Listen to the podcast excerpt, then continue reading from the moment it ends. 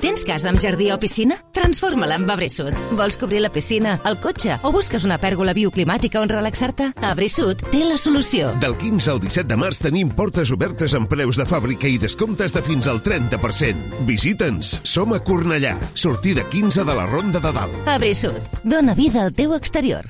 Tenim en antena l'advocat expert en noves tecnologies, Jordi Ferrer Guillén. Bon dia, senyor Ferrer Guillén. Hola, molt bon dia. I el catedràtic en, informata, en informàtica i expert en biomètrica, Francesc Serratosa. Senyor Serratosa, bon dia i moltes gràcies. Bon dia, bon dia per tenir-me. Gràcies. Bon, bon dia. Uh, aquesta pràctica, senyor Ferrer Guillén, és legal? Oh, home, sí, uh, aquesta pregunta, sí, si jo donar-vos el posicionament si que és legal o no, eh, ara mateix no us ho podria dir. Jo el que us puc dir és que, segons la informació que s'ha publicat i tal com esteu informant que les agències de les autoritats de protecció de dades estan investigant, sota el meu criteri té atisbos de, de, de ser il·legal.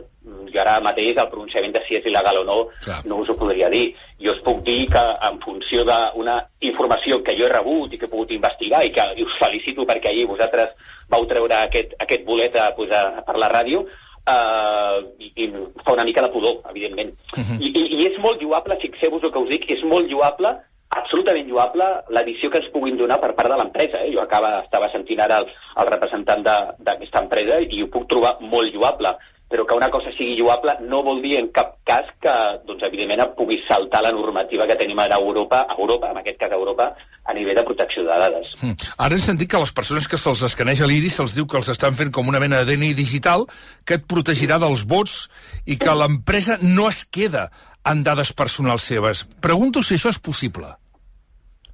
A veure, el que ens diu la normativa és que si hi ha un tractament de dades, però aquest, de, aquest tractament eh, s'acredita eh, eh, que les dades estan anonimitzades, és a dir, que és impossible identificar o arribar a tornar a identificar a la persona eh, que t'ha ofert aquesta dada personal seva, eh, bueno, doncs podria ser correcte. De fet, hi ha molts tractaments en els quals eh, es basen en, en dades eh, agregades o, o anonimitzades i això pot ser perfectament legal.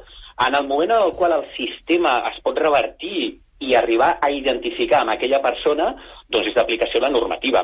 I en aquest cas el que ens estem trobant és, és, és amb un risc elevat que és el, el tractament de dades, amb la normativa denominem dades de categoria especial, i en aquest cas són les dades biomètriques, que requereixen, doncs, evidentment, un plus de seguretat, un plus d'informació, de transparència, d'anàlisi de riscos, eh, que hauríem de veure si, evidentment, aquesta companyia ho està complint o no.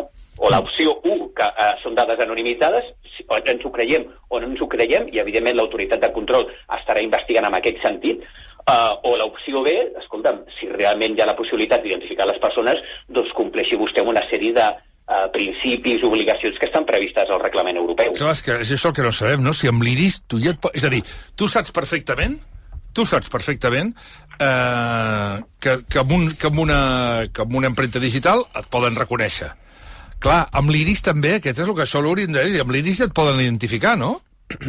Bueno, de fet, el que té l'iris, segons la informació que ens donen els tècnics, eh, diguéssim, els que estan treballant amb aquestes tecnologies, és que és la tecnologia o la dada biomètrica probablement més segura.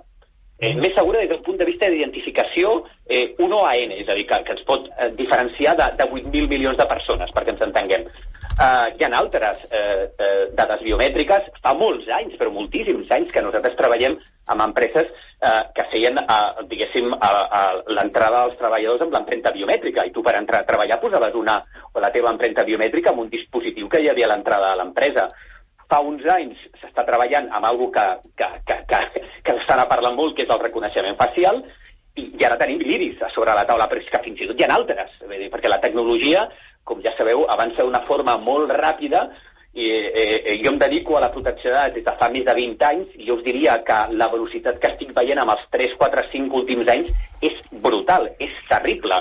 Eh, des que van començar i que doncs, probablement hi havia doncs, un tractament molt elemental, molt bàsic de, de, nom, de nombre i apellido, perquè m'entenguis, ara evidentment la tecnologia ens dona aquesta possibilitat d'aquest tractament massiu, molt ràpid i d'una forma molt lleugera eh, amb empreses pues, que utilitzen la tecnologia d'una forma, jo diria, molt eficient, molt eficient i que eh, això que quedi constància en acte, i que vosaltres sempre ho dieu, perquè a vegades ho escolto a la ràdio, eh, que la gent no fa les coses per amor a l'arte. La gent busca un negoci. Les empreses, per naturalesa, per naturalesa, tenen un, un interès econòmic amb les seves activitats. Eh, això crec que ho hem de saber tots, ho hauríem de saber tots. Ja, les criptomonedes... Això ho compren en criptomonedes i no en euros.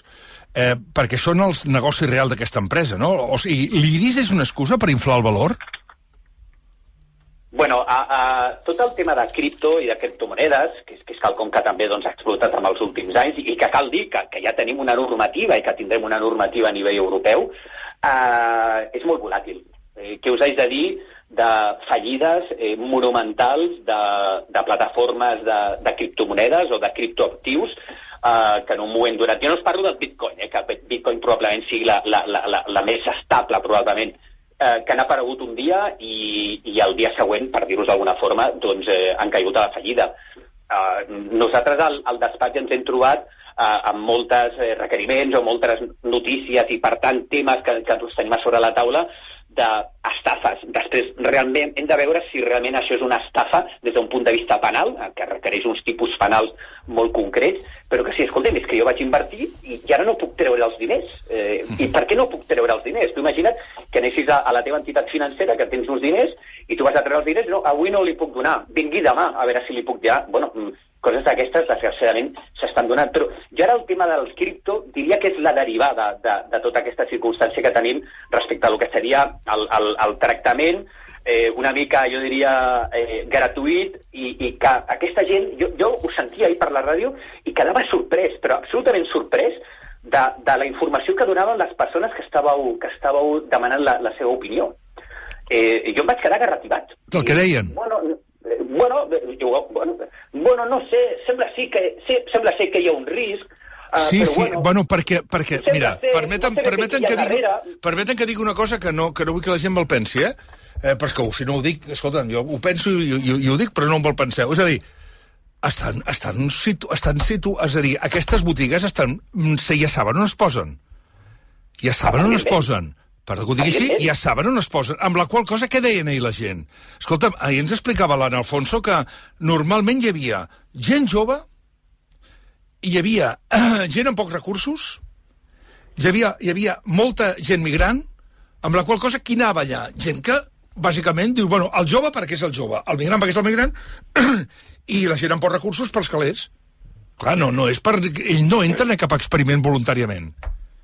A, a, absolutament. Mira, a, aquí hi ha un tema que, que, que no és ben bé exactament d'aplicació aquí, però es diuen els, els dark patterns o els patrons oscurs en protecció de dades, que és uh, l'engany, una mica, diguéssim, uh, l'aparença d'algú que a tu potser pugui interessar-te amb una petita contraprestació, uh, amb algun tipus de regal, i que a partir d'aquí la gent hi cau. Qui hi cau? Evidentment, doncs els més propicis a caure amb aquest tipus de situacions. Que repeteixo, eh, la, la, primera, la meva primera resposta és jo ara no us puc dir si això és legal o il·legal. Sí que hi ha indicadors que, evidentment, nosaltres ens diuen que, que, que, que evidentment, això pot ratllar doncs, el que seria probablement l'incompliment de la normativa. Però que, repeteixo, jo no puc pronunciar, jo no puc pronunciar en aquest moment. Però, però mm, a mi el que em sorprèn molt és que la gent, la gent entri en aquest joc i sobretot entri en aquest joc per una recompensa, per una recompensa que puguin ser 70-80 euros. Eh, algú dirà, no, és que demà seran 180, sí, però és que demà passat potser són zero. I realment la teva vida eh, eh, hem de ser conscients, i suposo que tots som conscients, de què pot comportar que jo dongui l'iris de, de, del meu ull. Eh, és com si jo estigués donant la còpia de la meva clau, del meu pis, eh, a qualsevol qualsevol, evidentment, a, a, a, a, amb aquest que jo estic donant la còpia. Jo, jo ara, abans entrava a un altre mitjà de, de comunicació i els deia, jo, mira, jo provaré demà de posar un xiringuito, també a, a, a lo que seria un centre comercial, i diré, escolta'm, us faig una còpia del, del pis, eh, de la clau del vostre pis, no us preocupeu, que jo la guardaré molt segur, per si en algun moment donat la necessiteu. Vale? No sigui que després tingueu algun problema. Qui em donaria la còpia del seu, de la clau del seu pis? Clar. Ningú. Ah, Ningú, ningú. En canvi, l'Iris sembla que estigui, doncs, bueno, escolta, no hi ha cap problema, o, o sí, hi ha un petit risc, i, però és que realment el risc és desconegut, eh, és res desconegut, que aquest és el gran problema. Molt bé. Uh, Francesc Serratosa, que és expert en biomètrica, uh, Per què els interessa l'iris de la gent? Quin valor té uh, aquest element? Bé, Aquí, el, el, jo crec que aquí el que està passant, primer que l'iris, uh, ara per ara, és com, com dèieu, dèieu ara, és la, el, el, el, el, la característica biomètrica realment més, més segura. Eh? També hi ha la retina, però bueno, més segura. Llavors, hi ha un tema molt important, que l'iris sempre, uh, una de les característiques és la que es diu la uh, col·lectivitat, que és el fàcil que és collir aquesta dada. Llavors, per exemple, la cara és molt fàcil, qualsevol càmera, no? La vital és de posar el dit. Uh, en canvi, l'iris, ara què passava? L'iris, uh, d'aquest sistema uh, de la col·lectivitat, uh, abans havies de col·laborar. És a dir, tu havies de mirar la càmera, i ara ha canviat. Jo ara he vist a congressos sistemes que no fa falta que miris la càmera. Per tant, jo estic entrant en un passadís, estic sortint del finger, del, del, del finger de, de l'aeroport i hi ha una càmera que em pot captar iris. I això, clar, el fet no col·laboratiu eh, fa que sigui molt més interessant. Val? I llavors, això és per una altra banda, que l'iris ha passat a ser molt interessant. Per altra banda, hi ha el tema de eh, que els, la intel·ligència artificial, que tot, tot, tot, tots ara hem vist que funciona realment molt bé, però té un problemet, un problemet que és un problemàs, que és, és molt voraç de dades. Volem moltes dades, necessiten moltes, moltes, moltes dades. Llavors, a uh, Iris, a l'Iris hi ha bases de dades uh, per, per fer recerca de fa molts anys, que s'ha anat incrementant, però no són masses.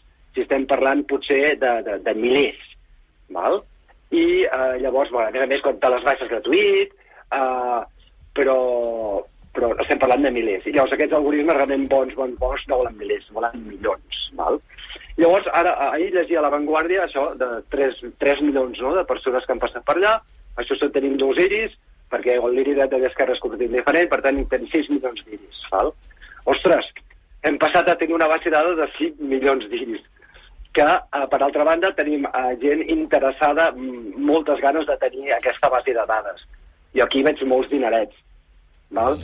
Uh, ja, uh, per altra banda, bueno, una mica que, també el que esteu dient ara, mm. que és curiós, perquè llavors, quan val no, aquesta base de dades? Vale, sí, volem base de dades, quan val? Clar, després, ara mentre estàveu xerrant, estava mirant aquí a, a la... Estava mirant a, el preu del, del WorldCoin i el canvi avui, ara, està a 6,6 dòlars. I clar, m'ha al·lucinat perquè si també seus informació de la Vanguardia resulta que paguen 10, uh, 10 WorldCoins d'aquests, són 66 euros per, uh, dòlars per persona. Clar, resulta que han passat 6 milions, 66 per 3 són 100, 200. Sí, sí, 200. Sí, ara, ara si, tothom, si tothom es canvia aquests WorldCoins a, a dòlars, sí. aquesta base de dades, ara, aquests 6 milions, ara valen 200 milions de dòlars. Eh? Clar, estem ja parlant d'unes quantitats absolutament enormes. Està flipant el velero. Eh, velero? Ja fa, ja fa estona que s'ha perdut. Ja no entenc res. Ja, jo, jo sóc de la cultura de la pluma de ganso. Ja. Però mira, una miqueta, sí, per, per, per mirar una mica el que estava dient, per exemple, la, que jo sàpiga, eh, que jo sàpiga, per exemple, la base de dades que s'ha publicat, que, que es publica, que, que, que es publica, que es fa, no que es publica, que, es, que s'informa de quants iris hi ha, és la de l'ACNUR, l'Agència de l'ONU per Refugiats, sí. que ells publiquen que ja tenen 1,3 milions d'iris, 1,3. Uh -huh. I això que jo sàpiga, clar, potser n'hi ha, i no ho sé, i no s'ha publicat, no ho sé, eh? Però clar, estem passant de 1,3 a 6 per 200 milions. milions de, clar, per 200 uh, milions de dòlars. Clar. No sé si val això o no val això, però estem passant de 1,3, que tothom considera una bestiesa, perquè sempre s'ha fet recerca en base a dades de, de 1.000, i 1,3 és una cosa astronòmica, però és que ara ja són 6 milions avui, no? Què, què dius, Melero? Bueno, però és que jo d'això, a mi el que el, fan, el falta per entendre és cui prodest. O sigui, això, i qui se'n beneficia d'això? On, on està el negoci? I si ho vaig pagant, contra més gent tingui, hauré pagat un dineral, sigui en bitcoins d'aquests o, o en el que sigui, per què? O sigui, qui, qui em voldrà comprar això? Agències de seguretat, eh, a l'exèrcit, a la policia de control d'aeroports, que no ho entenc. Jo, jo que estic veient és aquí una... És dir, tots aquests desplegaments, no? per exemple, de, per exemple l'Organització d'Aviació Civil Internacional accepta l'IRIS, la dintada i la cara. S'han de fer bons algoritmes perquè funcioni aquests algoritmes es faran empreses privades a nom d'aquestes organitzacions ja, i eh, hauran de posar intel·ligència artificial que molduràs de dades. Yeah. Per tant, si vols engegar un projecte per fer un bon sistema de reconeixement de l'iris de tots els aeroports i que funcioni, que no es col·lapsi, que la gent no es queixi, fa falta pa pagar. També hi ha una cosa molt important que acabo de comentar ara, eh, que avui, ara, val 200 milions, però per exemple ara estava mirant que el 5 de febrer els, els World Coins valien 2,2. Per tant, el dos, per tant, només fa 15 dies eh, no eren 200 milions, sinó que eren un, eh, un terç d'això, per tant, 70 milions. Sí, sí, va pujant, Sí. això ara, va, ara, ara és moment de pujar. No oblidi que també que el que acostuma a pujar acostuma també a baixar. Eh, és que jo també això, és dir, potser tu, tu, tens la, tu tens allò que ara val, ara, ara val 200 milions de dòlars, però, hòstia, però és que potser a 15 dies allò val un milió, i llavors t'has fotut amb 6 milions de- de- d'iris per un milió de dòlars. Correcte. I hi ha, un, hi ha el Víctor Endrino, que en sap de la matèria, però fa una pregunta, diu, si et fessin una fotografia amb altíssima resolució pel carrer, Sí. et podrien robar l'iris? A, ara, ara jo he vist a, a congressos, a, mm, grups de recerca bons, que eh, demostren que són capaços de fer el sistema que jo et deia ara, no col·laboratiu. És a dir, no has d'estar mirant la càmera, tu estàs caminant pel figure de l'aeroport i et fan la foto i, perquè fan, són dos càmeres, una que detecta allà on està la, la cara, on està l'iris, i una altra que pam, que és com el, la precisió del làser que fam, fa el zoom justament a l'iris. I per tant, ara la resposta és sí. Jo he vist amb prototips beta uh, de laboratoris de recerca. Potser que anem a fer tant, ara- coins, anem a veure que ens, van, que ens donin alguna cosa. En tot cas, la gent s'està... Eh... Clar, és que hi ha una cosa que també eh, ho hem d'entendre que avui deia l'Albert Lloret. Ens posem molt les mans al cap Oh, perquè la nostra seguretat ha d'anar per davant, perquè és clar que és això de que... Me'n recordo quan hi havia a la pandèmia del coronavirus que tothom deia bueno, donar les nostres dades, per què donar les nostres dades? Però si dones les, les teves dades, que és el que deia avui el Lloreta, sí. les dones cada dia quan, quan obres la, una aplicació, però si estàs donant les dades arreu del món i ningú diu res, però tu, tu creus que hi ha aplicacions que valen 0 euros si estàs donant duros a quatre peles? Però, però, però... Per això, per això durant una època de la teva vida rets propaganda del Rolex mm. i després comences a rebre propaganda de Viagra. Efectivament, efectivament, efectivament. Sí, el que passa que hi ha una diferència entre que nosaltres donem dades sobre el nostre sexe, sobre la nostra edat o sobre on vivim, que, eh, que estiguem donant l'iris. Ho dic perquè eh, hi ha, hi ha una cosa de, de, del que s'ha comentat, del que han comentat els dos experts, eh, em queden dues frases, no? Aquesta de que és eh, donar les claus de casa i l'altra és que aquesta empresa diu que ho té i ho té de forma altruista, però nosaltres no sabem d'aquí 20 anys eh, per què s'usarà el nostre iris, què podrem fer amb el nostre iris. I, per tant, eh, si hi ha aquesta empresa privada que fora de qualsevol control democràtic, de moment, fins on sabem, té eh, registrats els iris de milions de persones, doncs què, què en pot fer o què els hi pot fer fer? No, això, és, això, és, això és el risc que correm, Bec.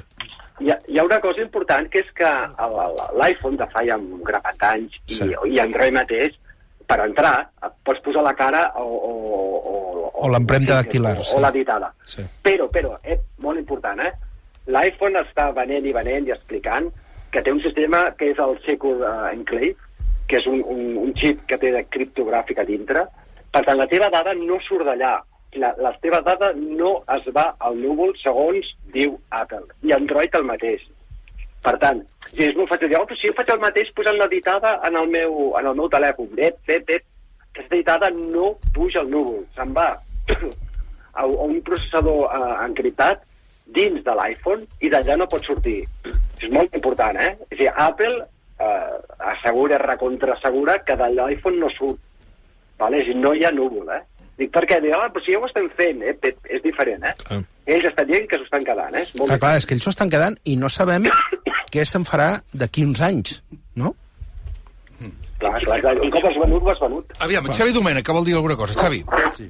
És que a, a mi tot, tot el tema em sembla al·lucinant i quan us, us escoltava ahir, que estava escoltant precisament quan estàveu traient tot aquest tema, em semblava com gairebé de, de, bueno, de ciència-ficció. Uh, però hi ha un tema que a mi, per mi em sembla molt fos tot plegat i, em sembla, i per això vull preguntar una cosa molt concreta. És a dir, què diu l'empresa? L'empresa, segons el que esteu dient, diu que això és, té que veure amb que hi haurà molts processos electorals aquest any, que no sé, no, no, no, al món, que no n'era conscient que n'hi haguessin tants, i que això ens protegirà dels vots de, de, dels vots de... No, no entenc res d'aquesta explicació. És a dir, és veritat? Això és, és possible que eh, escanejant iris de 3 milions de persones pel món protegeixi els processos electorals de, de la utilització de vots en les xarxes socials? Això és possible? Perquè no entenc el mecanisme pel qual jo el meu iris i això em protegeix Ui, que se'ns talla, se'ns talla. Però eh, ho ha entès la pregunta. Francesc Serratosa.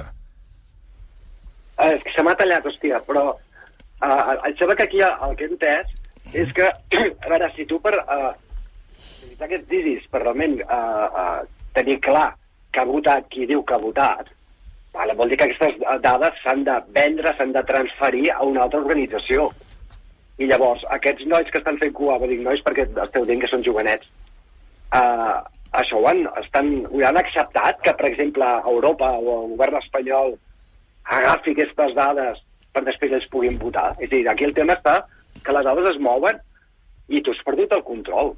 És dir, ells estan dient que això servirà per, per assegurar una, la democràcia i, que es, i quan es voti, però bueno, tot això s'ha de transferir. Aviam, Mònica. De veritat és que jo he he sudat molt amb aquesta explicació, vaja.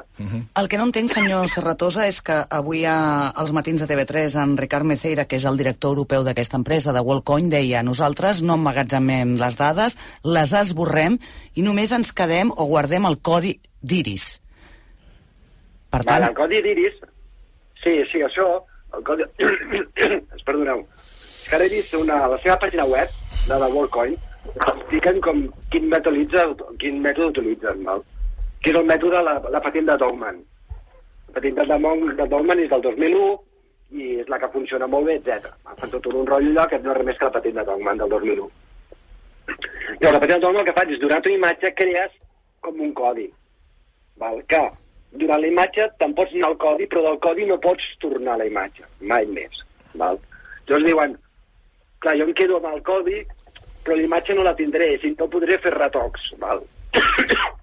però bueno, la, la, la Lliga de les Dades Normals, nom cognoms, i la Champions. La Champions són les categories especials de dades, les dades biomètriques, per exemple. I el principi que tenim a la normativa és un principi de prohibició, fixeu-vos el que dic, eh? de prohibició de tractament de dades sensibles, amb un reguitzell d'excepcions. Evidentment, aquí teniu un advocat, el Melero, i us ho podrà explicar, que hi ha molts sistemes de, de prohibició, i després resulta que a la prohibició tens 14 excepcions. Tu vas a buscar l'excepció.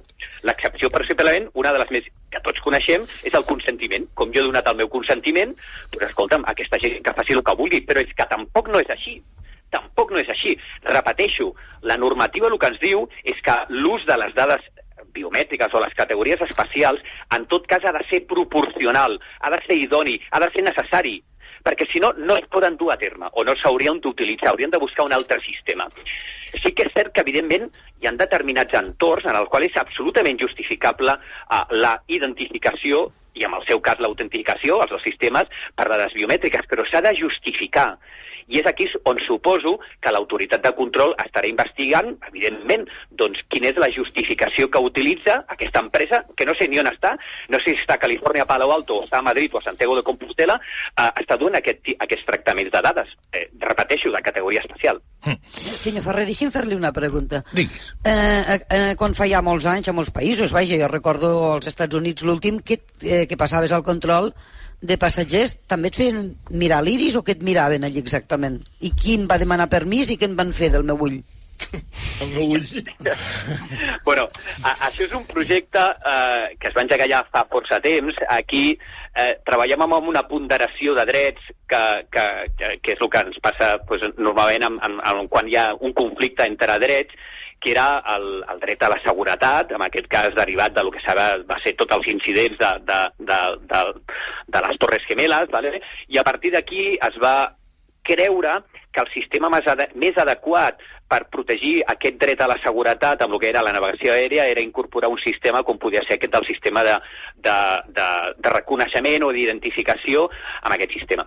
Això va ser molt conflictiu, de fet hi ha una directiva europea que regula específicament aquestes qüestions de tractaments de les dades de, de los nombres de passajeros, de los PNRs, Uh, però per part de les autoritats de control i especialment del Comitè Europeu uh, s'està posant a sobre la taula molts inconvenients.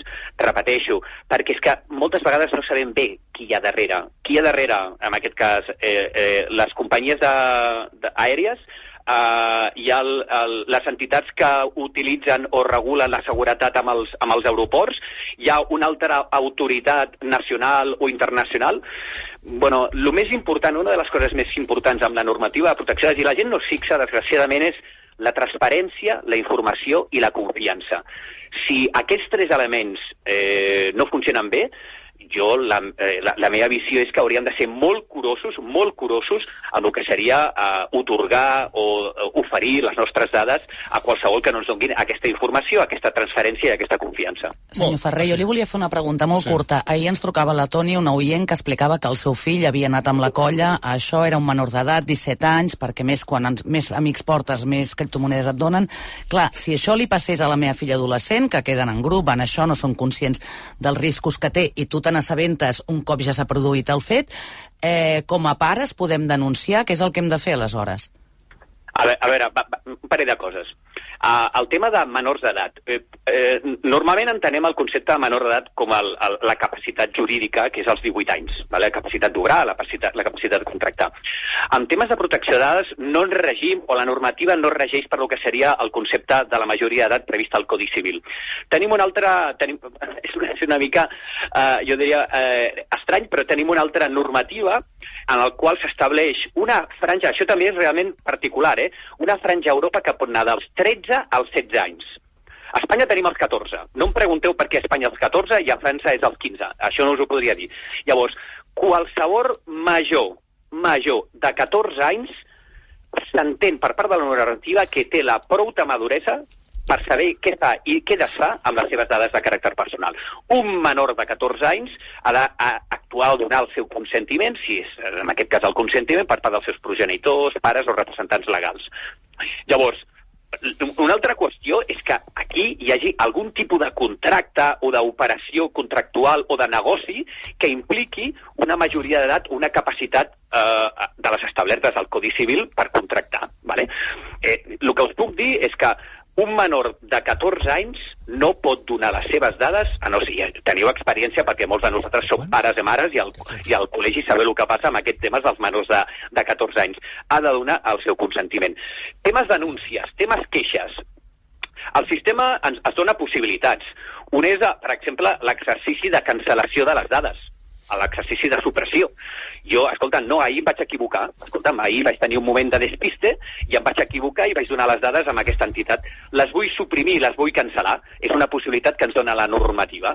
Vale? I a partir d'aquí has d'exercir uns drets que estan previstos a la normativa i a partir d'aquí l'empresa t'hauria de donar resposta. Sí, però I, això tampoc i, és fàcil, eh? Per exemple, no. no, no és el tema aquest de l'Iris, però si mirem amb la llista Robinson, tot el tema de la publicitat a través del telèfon, tota la gent que ha intentat eh, sortir d'aquí, diguem-ne, eh, com costa molt. Uh, costa molt i, de fet, és una de les causes més importants de reclamació barra de denúncia davant de les autoritats de control. Eh. Eh, I serà per alguna perquè, evidentment, com, com som conscients, el negoci que les empreses fan amb les meves dades doncs és molt important i a partir d'aquí són molt reticents a perdre el seu negoci i a partir d'aquí, eh, això, això moltes vegades ho donem a les formacions. Hi ha empreses que tenen provisions econòmiques provisions econòmiques dins del que serien els pressupostos per fer front al pagament de les sancions o multes... Clar, clar, clar, el surt més a compte pagar la multa i seguir usant. Ah, és com, a, com allò que es deia dels abocaments al riu que feien algunes empreses, que el sortia més a compte seguir abocant i pagar la multa.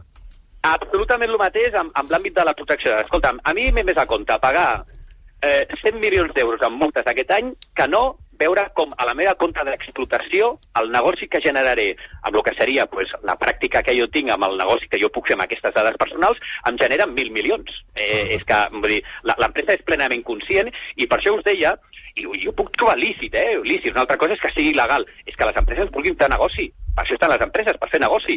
Una altra qüestió és que, evidentment, doncs, això s'allunyi, s'allunyi i se'n vagi fora de lo que serien eh, eh, els, els estàndards legals que tenim a tota Europa, perquè, repeteixo, el reglament europeu és una norma que és la mateixa a Espanya, a Itàlia, a França i als 27 països. Uh, uh, estan- S'estan fent investigacions a, a diversos països. Bueno, eh, és que la norma és la mateixa. A l'IRIS és el mateix, a l'IRIS d'una persona catalana que una persona francesa. Vull dir, eh, i segons des del punt de vista de la normativa, ha de tenir la mateixa protecció per part de les autoritats de control. Jordi Ferrer Guillén, advocat i consultor legal expert en noves tecnologies i comunicació, Francesc Serratosa, catedràtic en informàtic de la Universitat Rovira i Virgili, especialista en biometria. Moltes gràcies per haver-nos acompanyat i per haver-nos il·lustrat. Gràcies i bon dia. Gràcies. Gràcies a vosaltres. Gràcies, bon dia.